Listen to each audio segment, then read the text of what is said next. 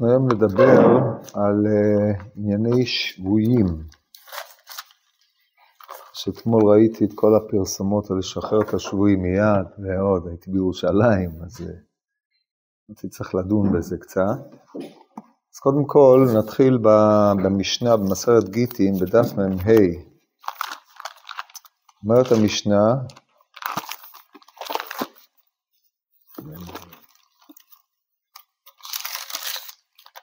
אין פודין את השבויים יתר על כדי דמיהן מפני תיקון העולם, ואין מבריחין את השבויים מפני תיקון העולם. רשב"ג אומר מפני תקנת השבויים. יש פה שתי הלכות, שתי תקנות. התקנה הראשונה, תקנה מפורסמת מאוד, שנתפרסמה בעקבות מעשה של שבייתו של המהר"ם מרוטנבורג, אין פודין את השבויים יתר על כדי דמיהן. והדבר הזה, הגמרא מתלבטת בו, נותנת שני צדדים. אומרת הגמורה, איבאילו, היי מפני תיקון העולם משום דוח כדי ציבור, או משום דילמה דלא גר בו. זאת אומרת, האם התקנה הזאת היא כדי אה, לא לדחוק את הציבור יותר מדי, מפני שחובת פדיון שבויים זו חובה שמוטלת על הציבור, או שמא זה כדי לא לעודד את השבעים לחזור ולשבות. שבויים עכשיו כמובן הדבר הזה תלוי באיזה סוג שבויים מדובר פה. אנחנו מכירים הרבה סוגים של שבויים בעולם. יש שבויי מלחמה, כמו בנידון דידן, ויש שבויים שנשבו על ידי ליסטים. הגמרא במסכת כתובות מבחינה בין סוגי שבויים כאלה לבין סוגים שבו... סוגי שבויים כאלה. אנחנו יודעים שגם אה, בעולם העתיק, בקיסרות הרומית נהגו להבחין בין מי שנשבו על ידי אמ, מלחמות על ידי ארץ אחרת, ששבויים כאלה היו מאבדים את המעמד שלהם לחלוטין, לבין מי שנשבעו על ידי שודדים בדרך וליסטים וכיוצא בדברים הללו, שהם לא איבדו את מעמדם. מעמדם של שבויי מלחמה היה נחות ביותר עד איזשהו זמן של תיקון החוק הרומי, אבל uh, ככה התייחסו אליהם. ברגע שמדינה אחרת שבתה אותם, הם הפסידו את המעמד שלהם לחלוטין. הדבר הזה גם אה, מופיע במשפטי, בחוקים של העולם הקדום, אבל אצל הרומאים היה ככה, אצל עם ישראל בשום פנים ואופן לא התייחסו לשבויים באופן הזה, אלא בין אם הם נשבו על ידי אה, מלכות אחרת במלחמה, או במסגרת מלחמה בין שני עמים, שעם ישראל ישב בצד אחד, אז היו שבויים כמובן לצד השני, ובין אם הם נשבו על ידי ליסטים, לעולם חלה מצוות פדיון שבויים על השבויים הללו. עכשיו יש, אמ, הפדיון שבויים הללו, ככל שהיו יותר שבויים, ככל שהאירועים הללו הלכו ותחפו באשר ישראל היו בגלות, אז הלכו ונתגבשו חוקים ביחס לענייני פדיון שבויים. כי אנחנו רואים שבזמן תקנת המשנה, או לאחר מרד בר כוכבא, היו המון שבויים, הרי מכרו לעבדים חצי מיליון יהודים באזור אה, חברון, באזור, באזורים הללו, וכמו כן אחרי החורבן, אחרי המרד הגדול, מכירה מסיבית של אה, יהודים לעבדים ונטילת שבויים, שגם אה, מכירה לעבדים ובכלל לשבויים כמובן, והיה צורך לפדות אותם, אבל אי אפשר היה להפיל את הפדיון על הקהילה שנשארה פה בארץ באופן מלא, מפני שזה היה נטל עצום, היה צריך לחוקק אי, אילו חוקים כדי להסדיר את העניין. אנחנו מוצאים עוד כמה וכמה מקומות שמצוות פדיון שבויים היא מצווה רבה והיו גובים ממנה לצדקה, והרי מותר פדיון שבויים לשבויים, אם, אם אה, אומרת המשנה במסכת שקלים, אם גבו לשבוי זה, אז אה, אה, הממון הזה מיוחד לו, הרבה פעמים הפדיון של השבויים היה מוטל על המשפחות עצמם. עכשיו בעולם, אה, העולם המודרני, כמו העולם שאנחנו נמצאים בו היום, שיש אחריות לאומית אה, כלפי האזרח, והמדינה מגויסת לטובת האזרח, בניגוד לעולם העתיק, שבעצם האזרח היותר משועבד למדינה מאשר המדינה לטובתו של האזרח הפשוט. עד כדי כך מגיעים הדברים לצורך העניין שבקיסרות הרומית, חייל שנפל בשבי, היו תקדימים לזה במלחמה בין, אה, במלחמת, אה, המלחמה של קרתגו, של חניבל, היו שהרי שלוש מערכות עד שהוא הובס בסוף, אבל במערכה הראשונה חניבל ניצח את הרומים, נפלו שם שבויים, והרומים לא היו מוכנים לפדות אותם, הם אמרו, אתם שבויים בגלל שלא לחמתם כמו שצריך. אז מי שברח מהמערכה, זה אחת האירוניות שהיו שם, שאחד מהנציגי השבויים העיד לפני הסנאט הרומי, מי שברח מהמערכה זכה לתהילה, מי שנשאר בשבי, ביזיון, והם נשארו שקועים בשבי, וככה הרומאים התייחסו לחיילים שנפלו בשבי, כמובן זה עודד את החיילים לא ליפול בשבי, יש בזה יתרון מסוים, אבל מי שזאת הייתה מנת חלקו, נושל מכל עמדתו. עד כדי כך מגיעים הדברים. דבר שלא יעלה על הדעת לפי אה, דעת ישראל, לפי חוקיה. אמ, מצד אחד, אז שם הפרט היה משועבד לטובת הקיסרות או לטובת הממלכה. אצל, אמ, בעולם המודרני, כאשר אה, המדינה, על אף חשיבותה, אה, העלתה על נס את מעמדו של היחיד בתוך המדינה, כמו שאנחנו יודעים היום, בניגוד לתפיסות קומוניסטיות, אז אה, אנחנו רואים אה, בשבויים הללו איזושהי חובה שמוטלת על המדינה לגייס את המדינה על כל משאביה כדי לפדות את אותם שבויים, בלי להיכנס לשאלה מהם הנסיבות שבגללם הם נשבו. לא, לא תמיד אנחנו נכנסים לשאלה מהם הנסיבות, יש גם פעמים שאנשים נפלו בשבי בשל עסקים מפוקפקים, בלי להיכנס לפרטים. ואף על פי כן אה, היו צריכים אה, לפדות אותם מהשבי. יש מצבים שבו המדינה מתנערת מהצורך לפדות שבויים מהשבי, כמו אה, בנות שנישאו לערבים, וצריך להציל אותם אחרי שנמצאו במצוקה, ויש את הארגון יד לערכים שעושה עבודת קודש בעניין הזה. אבל יש לנו, היום זה הרבה יותר ברור שכאשר מישהו נמצא בשבי, אז צריך לפדות אותו. מה שאין כן אה, בעולם העתיק. חז"ל, שהם ייסדו את פדיון שבויים כמצווה יקרה מאוד, שומרת הגמרא אמ, על הפסוק אשר לחרב לחרב, אשר לרב לרב, אשר לשבי לשבי, שאמר רבי יוחנן כל, ה, כל המוקדם מחברו קל מחברו, כל המאוחר בכתוב חמור מחברו, שבשבי, שבי קשה מכולם, כי בשבי יש את כל הרעות.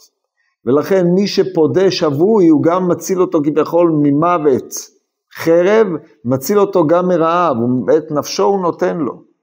השבוי מאבד את כל, ה, כל מה שיש לו, מאבד את הזהות שלו, מאבד את הסביבה התומכת שיש בו, הוא נרדף, משועבד, מתעללים בו, אם זה אישה מתעללים בה, חללים אותה לחלוטין, זה, זה המצב של השבוי, אין לו שום הוויה, הוא תלוי כל כולו בשווה, בקפריזות של השווה, בשיגיונות של השווה, מצב שהוא מאבד בעצם את כל מה שיש לו, מאבד את זהותו, והקשר שלו אל מה שהיה בעבר, אמ, הוא עומד בספק, הוא לא יודע אם הוא יחיה, הוא לא יודע אם ימות, מצב נוראי.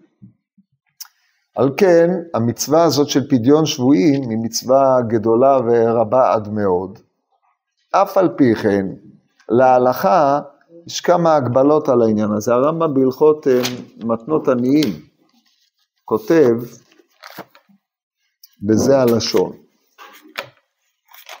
פרק ח' מהלכות מתנות עניים. אני רואה שיש פה בעיה בספר הזה. אין את זה פה, אז נוציא את זה מפה. אחת.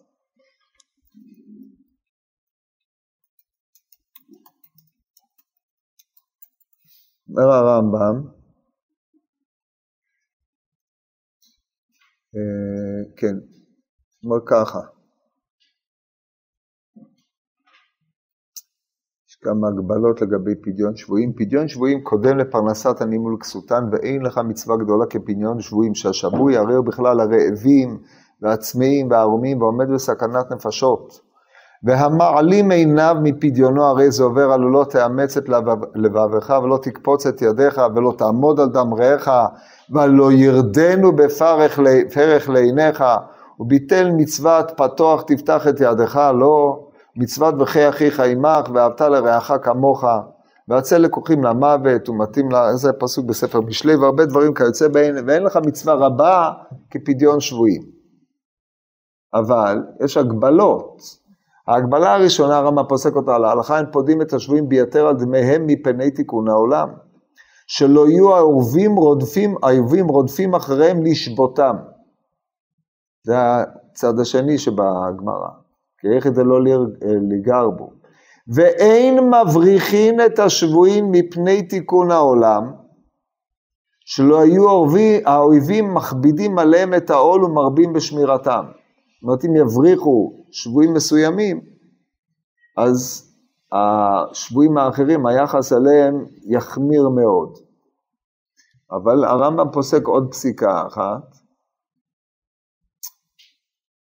ביחס לפדיון שבויים, סדר אה, קדימתן, אומר הרמב"ם, האישה הקודמת לאיש להאכיל ולכסות ולהוציא מבית השבי, מפני שאיש דרכו לחזר לו האישה ובושתה מרובה, ואם היו שניהם בשבייה ונתבעו שניהם לדבר עבירה, אינו איש שנתבע לקלון, האיש קודם לפתות לפי שאין דרכו בכך. אבל יש עוד הלכה אחת, והיא הלכה שלא פשוטה וצריך לדעת שהרמב"ם פסק אותה. שנייה אחת. אמ, כן, בהלכה י"ד אומר הרמב"ם שבוי שהמיר לעכו"ם, או לעבודה זרה, אפילו ואפילו למצווה אחת, היינו נעשה משומד למצווה אחת, כגון שהיה אוכל נבלה להכעיס וכיוצא בו, אסור לפתותו. מה שקורה, היו תופעות כאלה, מה שנקרא נקרא במחקר תסמונת סטוקהולם, של מעשה שהיה, שהשבוי הופך להזדהות, להיות מזוהה עם השווה שלו. יכול להיות לה, אה, תופעה של הערצה, מעריץ את השווה, כיוון שבעצם הוא תלוי כל כולו בשווה, אז הוא מעריץ אותו. בעצם מסגל את נהגיו של אותו שווה. והרי התורה אומרת, וכי מכר אחיך לגר או לעקר משפחת גר. יש תופעה כזאת. ואז הוא מאמץ את הנהגים שלו, והוא מתחיל להתנהג כמותו, מאמץ את הרטוריקה שלו, והוא זונח את עברו.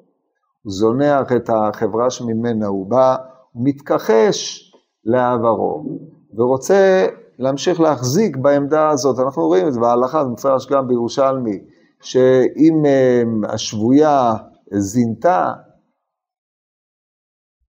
ואיננה שומרת עליה, אלא מחללת את עצמה, אז לא פודים אותה. היא עשתה את זה ברצון.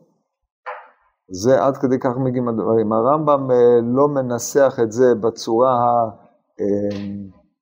החריפה אה, הזאת, אלא רק אם הוא נעשה משומד לעבודה זרה, ואפילו למצווה אחת, שהיה עושה להכיס, אבל אם הוא עושה לתיאבון, כן פודים אותו. הוא לא פסק את. הפסיקה המחמירה הזו, אבל אה, תופעות כאלה היו. על רקע זה אני רוצה לדון באגדה אחת שהתווכחו עליה הרבה, שהיא גם הטמיעה אותי, וצריך לדון בה, באגדה במסכת גיטין, שמופיע מיד אחרי זה בסוגיה. אנחנו אמרנו שאין פודים את השבויים, אה, אין מבריחים את השבויים מפני תיקון העולם. הגמרא על רקע זה מספרת את הסיפור הבא. אני אקרא לכם את זה לפי הנוסחים היותר מדויקים. בינתא דרב נחמן בחשן קדירא בידיו. כן? בנותיו של רב נחמן בחשו את הקדרה בידיהם. לא מדובר בקדרה של... קדרה זה דבר רותח, קדרה זה כלי ראשון, נמצא על האש. הם בוחשים את הקדרה הזאת בידיהם, כן? הם גם, אה, מה עוד אנחנו יודעים על בנותיו של רב נחמן? שהם גם היו אלה שהרגו את הקינים של אה, רב נחמן מר, גמר בשבת בדף י"ב, הוא אמר לבנותיו, כשאתם הורגים את הקינים, תשמיעו לי את הקול שלהם. זה עוד נתון שאנחנו יודעים עליהם. כל פנים הם בחשו את הקדרה בידיהם. קשה עלי לרב איליש. רב איליש היה תלמיד חבר של רבא. גברא רבא, כך אומרת עליו הגמרא במסכת בבא מציע בדף ס"ח, הוא נתקשה בדבר הזה, ראה את בנותיו של רב נחמן בוחשות הקדרה בידיהם, ונתקשה. מה, מה הייתה הקושייה שלו? כתיב, כתוב בספר קהלת, אדם אחד מאלף מצאתי ואישה בכל אלה לא מצאתי. האי קבינתא דרב נחמן. זו הייתה הקושייה שלו. מצד אחד, כתוב אישה בכל אלה לא מצאתי. אבל הרי, איך אמר את זה שלוימי המלך עליו השלום, הרי כנגד זה עומדת סתירה מציאותית, בנותיו של רב נחמן שבוחשות את הקדרה בידיהם. שואל את עצמך, מה, נניח שהן בוחשות את הקדרה בידיהם. דבר שכשלעצמו מפליא, מה, מה תועלת לבחוש את הקדרה בידיים? מילא ללוש בידיים, אני מבין, אבל לבחוש את הקדרה, בשביל מה אתה צריך לבחוש אותה בידיים? או בואו נשאל את זה אחרת, אם אני יכול לבחוש בלי להכניס את היד שלי לתוך הגדרה, למה שאני ארצה להכניס את היד שלי לתוך הגדרה ולבחוש ביד? בשביל מה? מילא אני עושה הצגת תכלית, מילא הייתי מקבל על זה כסף, כן? בתור הודיני השני, אבל באופן עקרוני, בשביל מה לעשות שטות כזו? או בניסוח אחר, אתה לא נזקק למעשה ניסים כשאתה יכול להשיג את אותה תוצאה בלי מעשה ניסים. אז אם הם עשו את זה בתור מעשה ניסים כדי להפגין את היכולות הפנומנליות שלהם, את הקשר שלהם עם מי שנותן בכוח האדם לעשות נס, הרי הקדוש ברוך הוא לא אביד ניסים בכדי, הוא לא מבזבז את הניסים. או כמו שאומרת הגמורה במסכת שבת בנ"ג עמוד ב', כמה גרוע אדם זה שנעשו לו ניסים, אם, אתה לא צריך את זה, בשביל מה אתה עושה את זה? אז לבוא ולומר, לייחס להם צדיקות יתרה, בלי שהן בוחשות את הגדרה בידיהם, הדבר הזה מעורר פליאה כבר בשלב הזה של הסיפור. טוב, זה לא נגמר פה, אבל זה ממשיך. אז הוא התקשה בפסוק, אדם אחד מאלף מצאתי, שימו לב, פתח באדם וסיים באישה, הרי ידוע שהאדם הוא איש ואישה, זכר או נקבה. צריך לדקדק בפסוק, צריך להבין מה התקשה בדיוק, אבל כתוב אדם אחד מאלף מצאתי ואישה בכל אלה לא מצאתי. בכל מה? צריך גם להבין פשט מקראות. על כל פנים זה מה שאמר uh, שלמה המלך עליו השלום, והוא אומר הנה בנותיו של רב נחמן סותרות את המציאות. לא, לא ראה שום אישה חוץ מבנותיו של רב נחמן שהייתה צדקת, עד שהוא ראה אותם בוחשות בקדרה, הדבר הזה כמו שאמרנו מעורר פליאה. גרמה לה מילתא, ואשתבי איהו אשתביאן, ואשתבי איהו נמי בהדיו. גרמה לה מילתא, גרם להם הדבר. או דבר, מילתא, איזה דבר? גרם להם דבר והם נשבו. ונשבע גם אה, רבי איליש בעדיו. עכשיו צריך לדעת שנהרדעה עיר מועדת לשביה, כן, כבר כתבו על זה מאמרים, על אה, מעמדה של נהרדעה והיוחסין המפוקפקים שהיו בה, מפני שאנשי תדמור, ששמענו עליה בשנים האחרונות, בקשרים אה, לא חיובים במיוחד, אנשי תדמור, כאשר עשו, אה, זו הייתה עיר אה, חשובה מאוד, כן, עיר שנמצאת על הגבול שבין הקיסרות הרומית, הגבולות המזרחיים של הקיסרות הרומית לקיסרות הפרטית, ובעיר הזאת היו שם שודדים, זאת אומרת, זה, זה הייתה כמו איזושהי מובלעת פרטית, עם אנשים שנהגו לשלול שלל ולבוז בז מאנשי נהרדעה, ולכן ייחוסן של אה, בנות נהרדע היה מפוקפק ביותר בשל אה, הקשרים שהיו להם עם אנשי תדמור, אם מרצון ואם שלא מרצון. על כל פנים, בנהרדעה שהיא נציבים, על כל פנים לפי אה, פרשנויות מסוימות, רבו, השבועי, רבו השוללים, הבוזזים וכולי, אז גרם הדבר, שלפי דעת המרשה, הדבר שגרם זה זה שהיו בוחשות את הגדרה בידיהם, והם נשבו. למה בגלל שהן בוחשות את הגדרה בדם הן צריכים להישבות, אה, להיות שבויות, זו שאלה טובה. יכול להיות שבחישת הגדרה בידיהם, שאני עדיין אה, משאיר אותו כאלמנט פתוח, דבר שזוקק ביור, יכול להיות שהוא דבר שלילי ביותר. ואשר על כן, הן צריכות להיענש על הדבר הזה, רק רגע. אבל יהיה העניין אשר יהיה, זה גרם שהם יישבו, יפלו בשבי, ומי, אם לא, רב איליש נשבע בעדיי, וכפי שנראה בסוף הסיפור נבין למה זה אמור היה לקרות.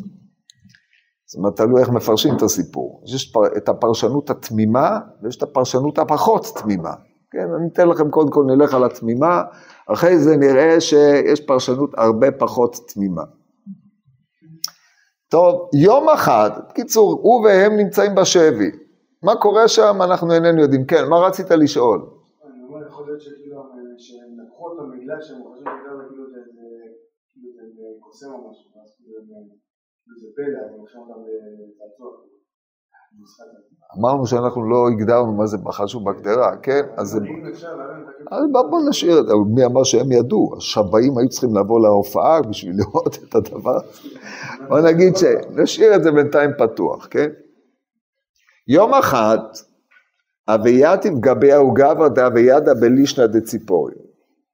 הוא התיישב ליד רב אילי, שאני מזכיר לכם שהוא עדיין בשבי, כן?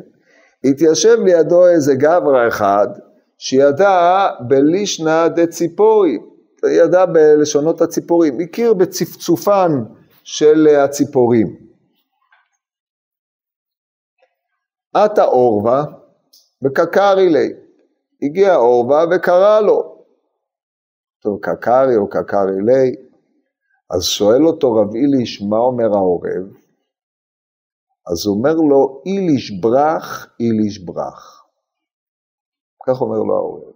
מותר ליידיש לברוח? במשנה שאסור לו. עכשיו, רב איליש יודע שאסור לו לברוח. כי הרי נשארו אחרים בשבי, כן? אני מניח שלא רק הוא ורב, ובנותיו של רב נחמן נפלו בשבי, כי הרי האיש ההוא, המכיר בשפת העורבים, גם הוא היה בשבי. כי אם הוא לא היה בשבי, אז מה הוא בא לדבר עם רב איליש שנמצא בשבי, כן? אז כנראה יש פה חבורה, התגבשה חבורה נאה של אה, שבויים אצל השובים, אין לנו, אנחנו לא יודעים על השובים הללו בינתיים כלום. אבל אה, נראה שהיה לו מידה של חופש כדי לשבת לדבר עם ההוא על העורבים ועל, אה, כמו שתכף נראה. אז אומר רב איליש, עורבא שיקרא, העורב הוא שקרן ולא סמיך נעלב, אני לא סומך על העורב. הדהכי בינתיים, עתה יונה וקקריה. הגיעה יונה וקרא, והתחילה להמות, כיוני, כתוב כיוני הגאיות כולם הומות איש בעוונו, אז היונה היא הומה והנה הוא שומע את המייתה של היונה. אז שואל רב איליש את uh, המבין בציפורים מה היא אומרת. אז הוא אומר לו, איליש ברח, איליש ברח. בקיצור, גם היונה כנראה ראתה בעין בעין עם העורב את המציאות, ואמרה שהוא צריך לברוח. אה, אז עכשיו שהוא שמע את זה מהיונה, לא קיים בעצמו על פי שני עדים, כי הרי יש עד שקרן, יש עד דובר אמת, אבל הם לא מכחישים זה את זה. מה הוא אמר? אמר כנסת ישראל כי יונה מטילה. היינו, כנסת ישראל נמשלה ליונה. שמע מן המתרחש לי ניסה. מסקנה לא כזאת פשוטה. זאת אומרת, הרי אם אתה תברח מהשבי, יש שתי אפשרויות, או שיהרגו אותך, תיתפס ויהרגו אותך, או שיראו לאחרים. אז הוא, בצד של האחרים הוא לא יתעסק בשלב זה, השאלה שלו הייתה האם הבריחה הזאת תעלה בידי או שלא תעלה בידי. העורב בא להטעות אותי, לפתות אותי לברוח כדי שאני אמות, ואילו היונה שכנסת ישראל נמשלה לה, היא uh, באה להודיע לי שכנראה יש לי איזה סייעתא דשמיא. זה שכנסת ישראל נמשלה לי יונה, כנפי יונה נכפה בכסף ואבותיה בירק רק חרוץ, זה יפה. אבל מי אמר לך עכשיו לסמוך על האיש שתרגם את מה שהיונה אומרת? אתה יודע מה היונה אומרת? אתה יודע מה שהאיש אמר על היונה. אז הוא יושב ליד האיש הזה, ואומר את דברו, נתחבטו המפרשים, האם הוא הבין בשפת הציפורים או לא? על פניו, הוא לא הבין בשפת הציפורים. למה לא? כי אם הוא היה מבין בשפת הציפורים, לא היה צריך לשאול את האיש. מאידך גיסא, אם הוא לא הבין בשפת הציפורים, מה פתאום הוא סומך על האיש? הרי אחרי ככלות הכל, מה שהציפור אומרת הוא לא יודע. הוא יודע רק מה שהאיש אומר. האיש היה עקיב, כל ציפור שבא, הוא אמר שהיא אומרת לו איליש ברח, איליש ברח. מאיפה אתה יודע שזה באמת מה שציפור אומרת? בהנחה שהציפור יודעת מעבר לאדם על המציאות, כן? אשר על כן, צריכים להניח שהוא כן ידע בשפת הציפורים. איי, אז אם הוא ידע בשפת הציפורים, למה הוא נזקק לשירותיו של אותו האיש? אז אמרו בעלי עמוסה, פה זה מופיע בשיחות רב חיים שמואלביץ, הוא ידע, אבל הוא רצה לראות אם מה שהוא אומר זה באמת מה שהציפור אומרת, הוא צריך להביא עוד איזה מישהו שיוכל לסמוך עליו, כי אדם, בשפת הציפורים אתה לא מתעסק בדברים האלה, מאחר שלא ראוי לו לאדם לשאול בכל מיני עניינים כאלה שנקרא, לשאול בתייר ובעורבים, מאחר שהדבר הזה הוא כמו מעשה האמורי. ותמים תהיה עם השם אלוקיך, אבל מה נעשה? הבן אדם שלט בכל התורה כולה, וכשהציפור מצייצת, הוא ישר הבין מה היא אומרת.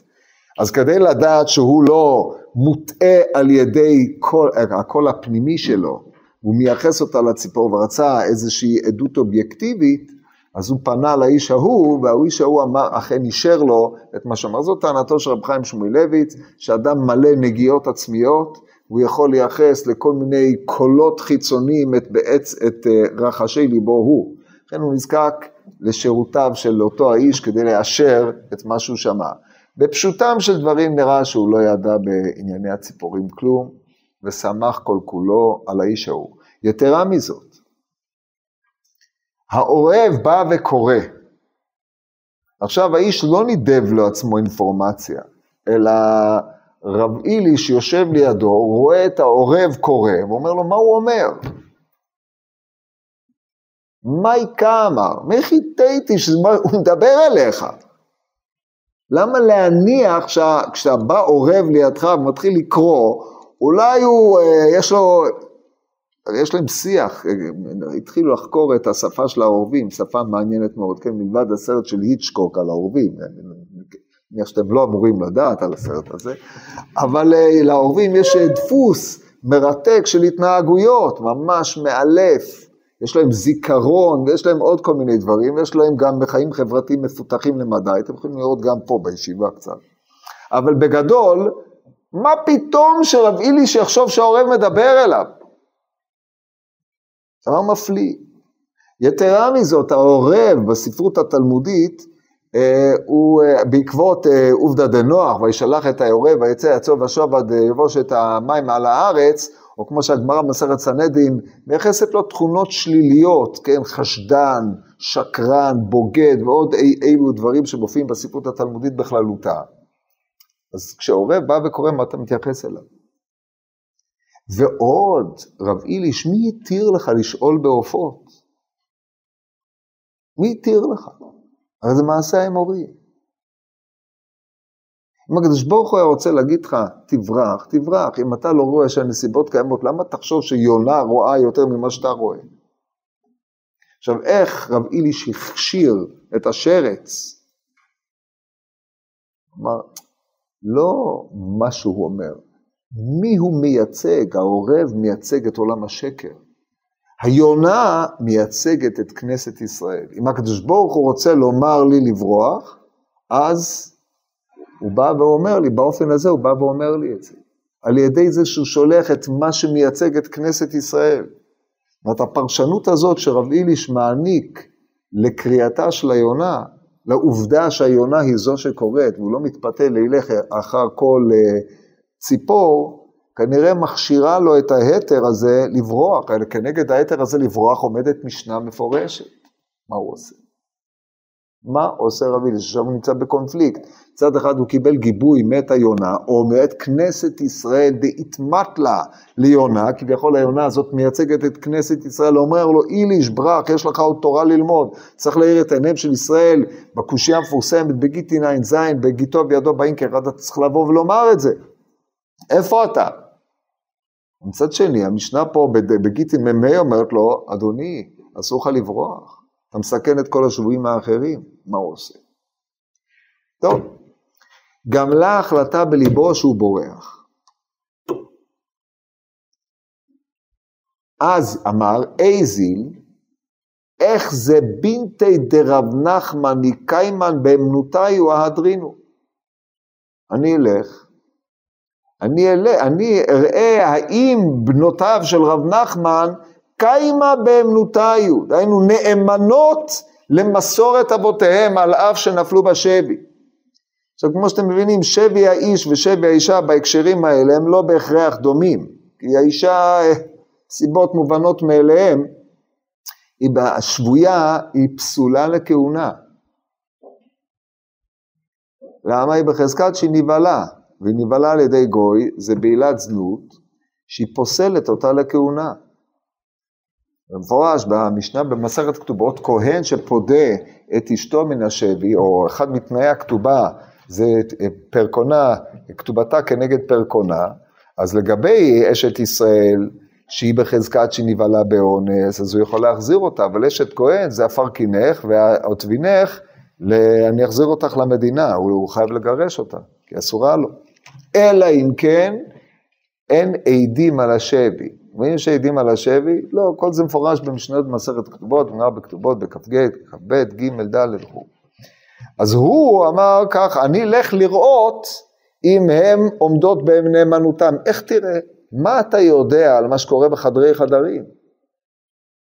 עכשיו, רבי איש אדם אה, שמבין עניין, אז הוא הלך ואמר, אני אבחן את הדברים כדלהלן.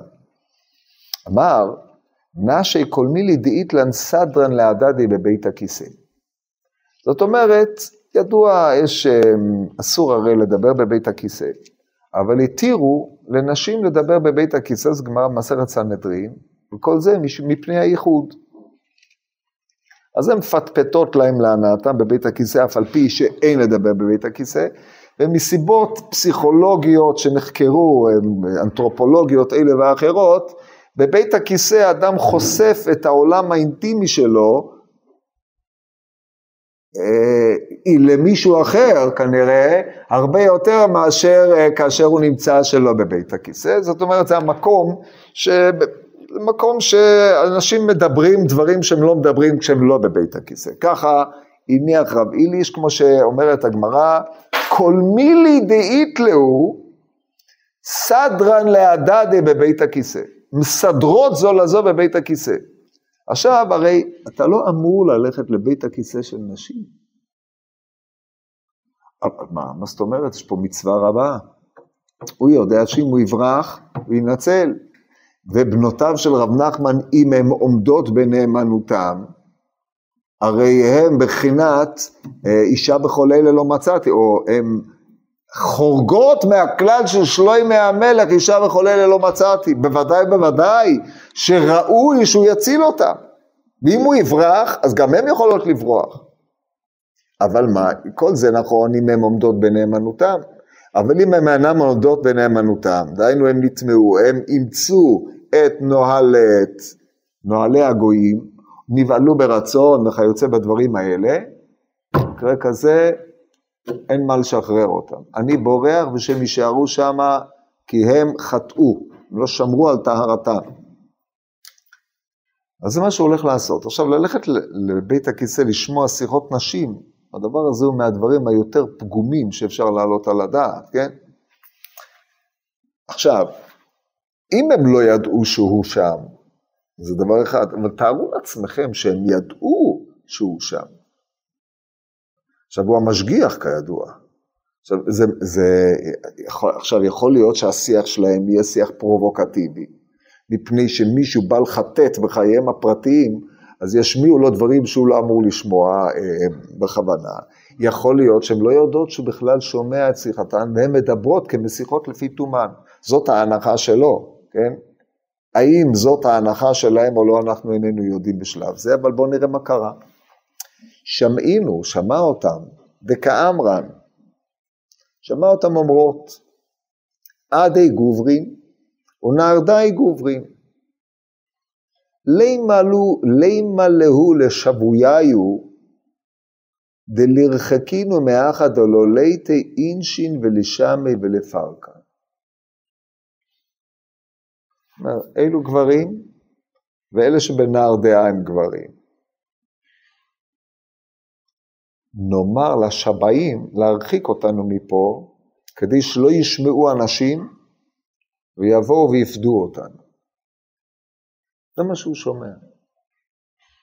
איזה פרשנות הוא נותן? זאת אומרת, מה הפרשנות? הן מעדיפות את השבעים על פני בעליהן בנהר דעה, או על פני מה שיש בנהר דעה, או עדיף להם להישאר בשבי מאשר להיפדות. עד כדי כך מגיעים הדברים שהם אומרים את הדבר המשונה. נאמר לשבעים להרחיק אותנו מפה, כדי שלא ישמעו אנשי נהר דעה ויבואו ויפדו אותנו. זאת אומרת, מה שאנחנו מבינים, אנשי נהר דעה הרי ברור היה להם כשמש שהם נשבו. אבל השבעים לקחו אותם למקום שהם לא יודעים, באיזה מנהרה הם הסתירו אותם או משהו כזה, הם לא יודעים איפה הם. אז הבנות של רב נחמן חששו שיתברר איפה נמצאים השבויים עם השבי. איך יתברר?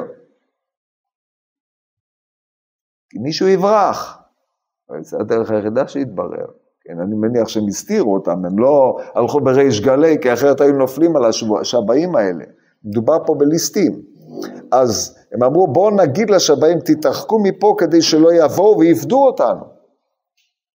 עכשיו, הם לא יגידו לבני נהר, לשבעים, תתרחקו כדי שלא יבואו ויפדו, כי הרי האינטרס של השבעים בדרך כלל היה להרוויח מהשבויים.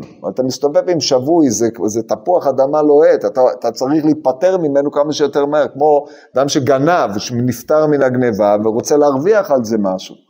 אלא אם כן, יש לך מקום שאתה הולך אליו, ואתה לוקח את השבוע איתך ומשעבד אותו כעבד.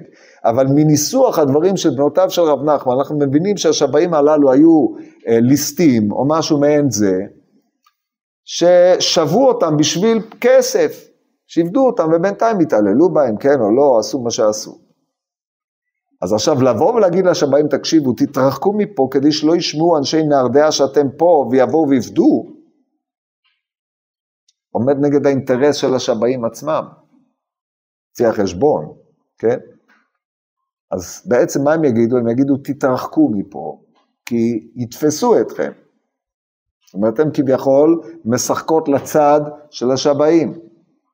האינטרס של בנותיו של רב נחמן הוא כדי שלא יבואו ויפדו אותם. זאת אומרת, הן רוצות להישאר בשבי.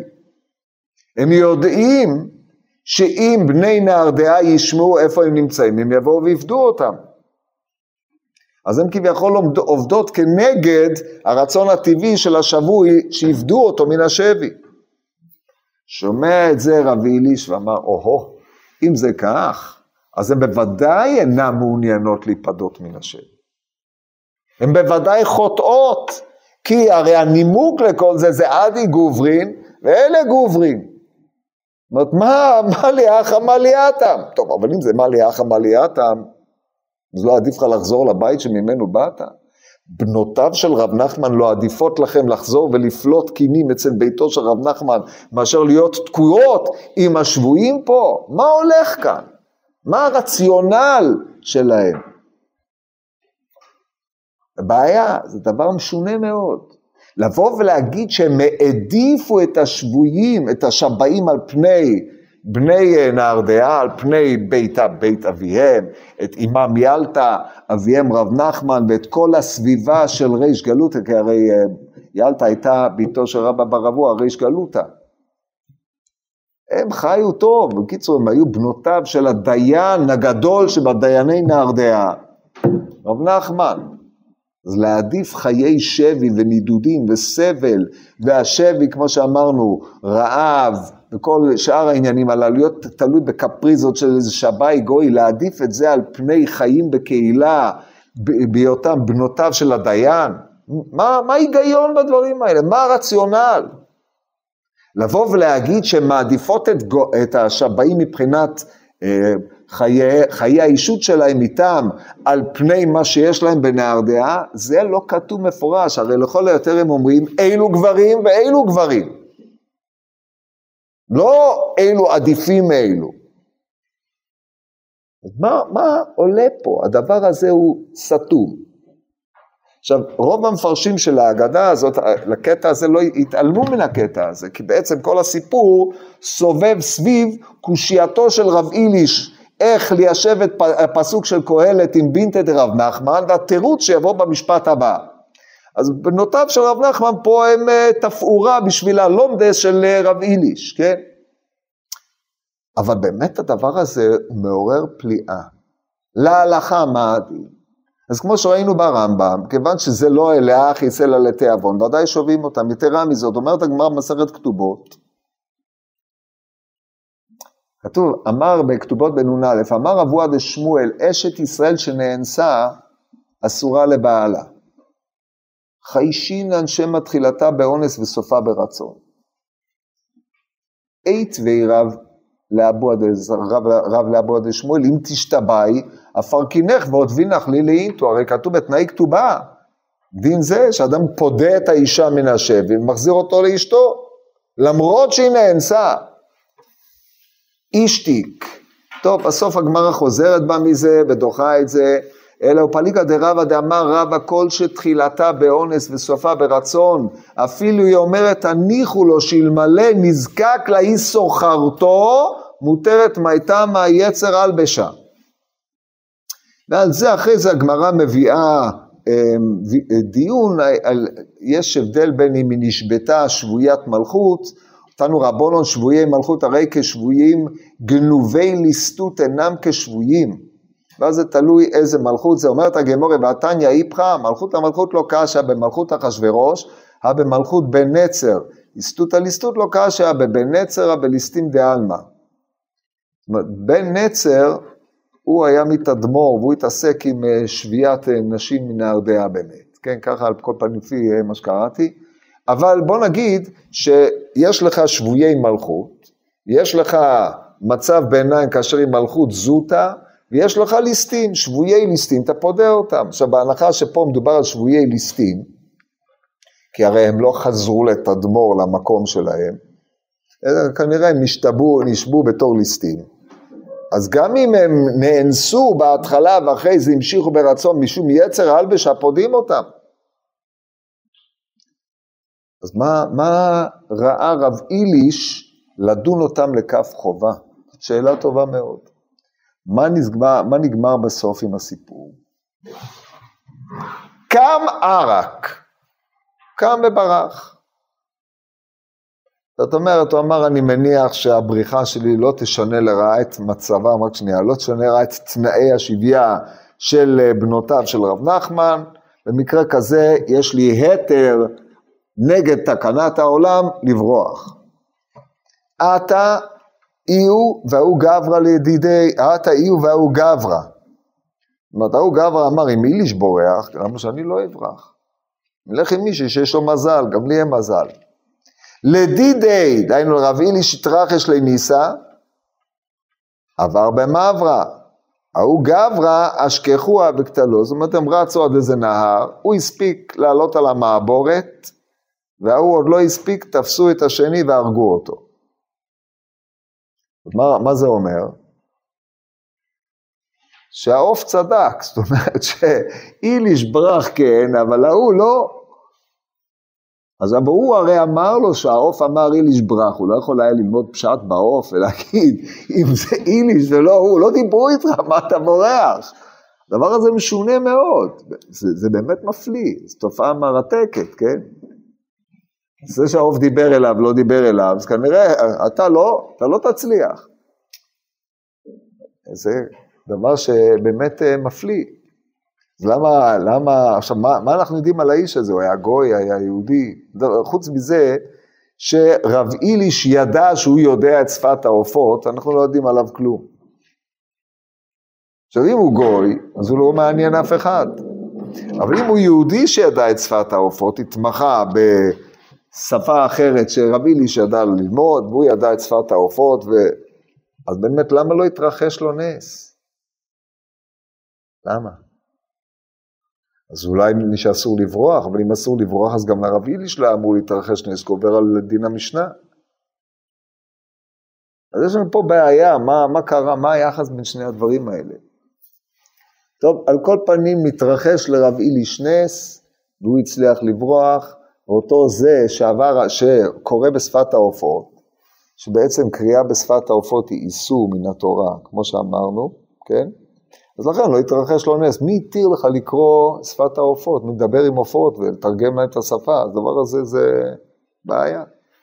אז אם זה בעיה, אז איך לרבי ליש אפשר היה להשתמש באינפורמציה שעלה הסיק מן העופות? זה בגלל שהוא נתן פרשנות שהיונה הזאת היא לא מפני שהיונה אומרת, אלא מפני שכנסת ישראל נתלבבה, הודיעה לו דרך היונה. זה לא הסבר כזה טוב, אבל בוא נגיד שהנס עבד, התרחש לו נס. עכשיו אנחנו מגיעים למשפט הכי מרתק בסיפור. ופה יש הבדל בין הנוסח שמופיע בדפוסים לבין אה, הנוסח שמופיע בכתבי היד, בשל תוספת שהוסיף המהרש"ל. אומרת הגמורי כי הדרן ועתן אבה קבחשן קדירה בכשפים. ככה הנוסח בנוסח, בנוסחאות המדויקות. בנוסח של הגמרא, כי הדרן ועתן אמר, הווה קבחשן קדירה בכשפים. מה ההבדל בין שני הנוסחים? שמיים וארץ, הכל תלוי בתוספת הזאת של המילה אמר. אם אנחנו גורסים את האמר, כי הדרן ועתן כאשר הוא חזרו, או כי הדר ועתה היה צריך להיות, כאשר הוא חזר הוא בא, כן, בגמרא, אמ, כי הדרן ועתן אמר, הדרן ועתן חזרו ובאו, אמר, היו בוחשות, מי, מי, מי חזרו ובאו? לא ברור. אבל אמר, ודאי מוסב על רב איליש. רב איליש אמר, שהן היו בוחשות את הקדרה בכשפים. זאת אומרת, הן לא היו צדיקות ותורצה לא הקושייה. נמצא שהסיפור הזה כל כולו לא בא אלא להסביר, ליישב לרב איליש את היחס בין העובדה שבנותיו של רב נחמן בחשו את הקדרה בידיהם, לבין לשון הכתוב בספר קהלת. היה לו קושייה, הצטער עליה, יצא לאיזשהו סיבוב, ועל ידי השבי תורצה לו הקושייה, עכשיו אומרים, אה, ah, זה היה בכשפים. זאת אומרת, מעיקר הוא לא יכול היה להעלות סברה כזאת על דעתו עד שהיה צריך בשבילה ללכת לשבי. זה המהלך האחד. אם אנחנו גורסים, לא גורסים את אמר, אז זה הולך ככה, כי הדרן ועתן, כאשר חזרו ובאו, דהיינו כשבנותיו של רב נחמן חזרו ובאו, היו בוחשות את הקדרה בכשפים. איך הם חזרו? איך הם באו? חזרו ובאו. לא פדו אותם, לא ברחו, פשוט באו. אז הם היו בוחשות את הקדרה בכשפים. האם זה אומר שלפני שהם הלכו הם בחשו את הקדרה בכשפים? מה אנחנו יודעים? הוא לא ידע למה הם בחשו את הקדרה. מי עכשיו קבע שהם בחשו את הקדרה בכשפים? זו עובדה שנתווספה. זאת אומרת, קודם לכן, הם בחשו את הקדרה, ואחרי זה הם בחשו את הקדרה, כל מה שהשבי עשה הוא שלפני זה הם בחשו את הקדרה עד כדי העלאת פליאה בעיניו של רב איליש, ועכשיו משחזרו מן השבי הם בחשו את הקדרה בכשפים. ככה נראה, אם אנחנו גורסים את התוספת הזאת שלא מופיעה ברוב כתבי היד. אז מה משמעות הדברים האלה? בקיצור, הסיפור הזה מתחילתו ועד סופו תמוה.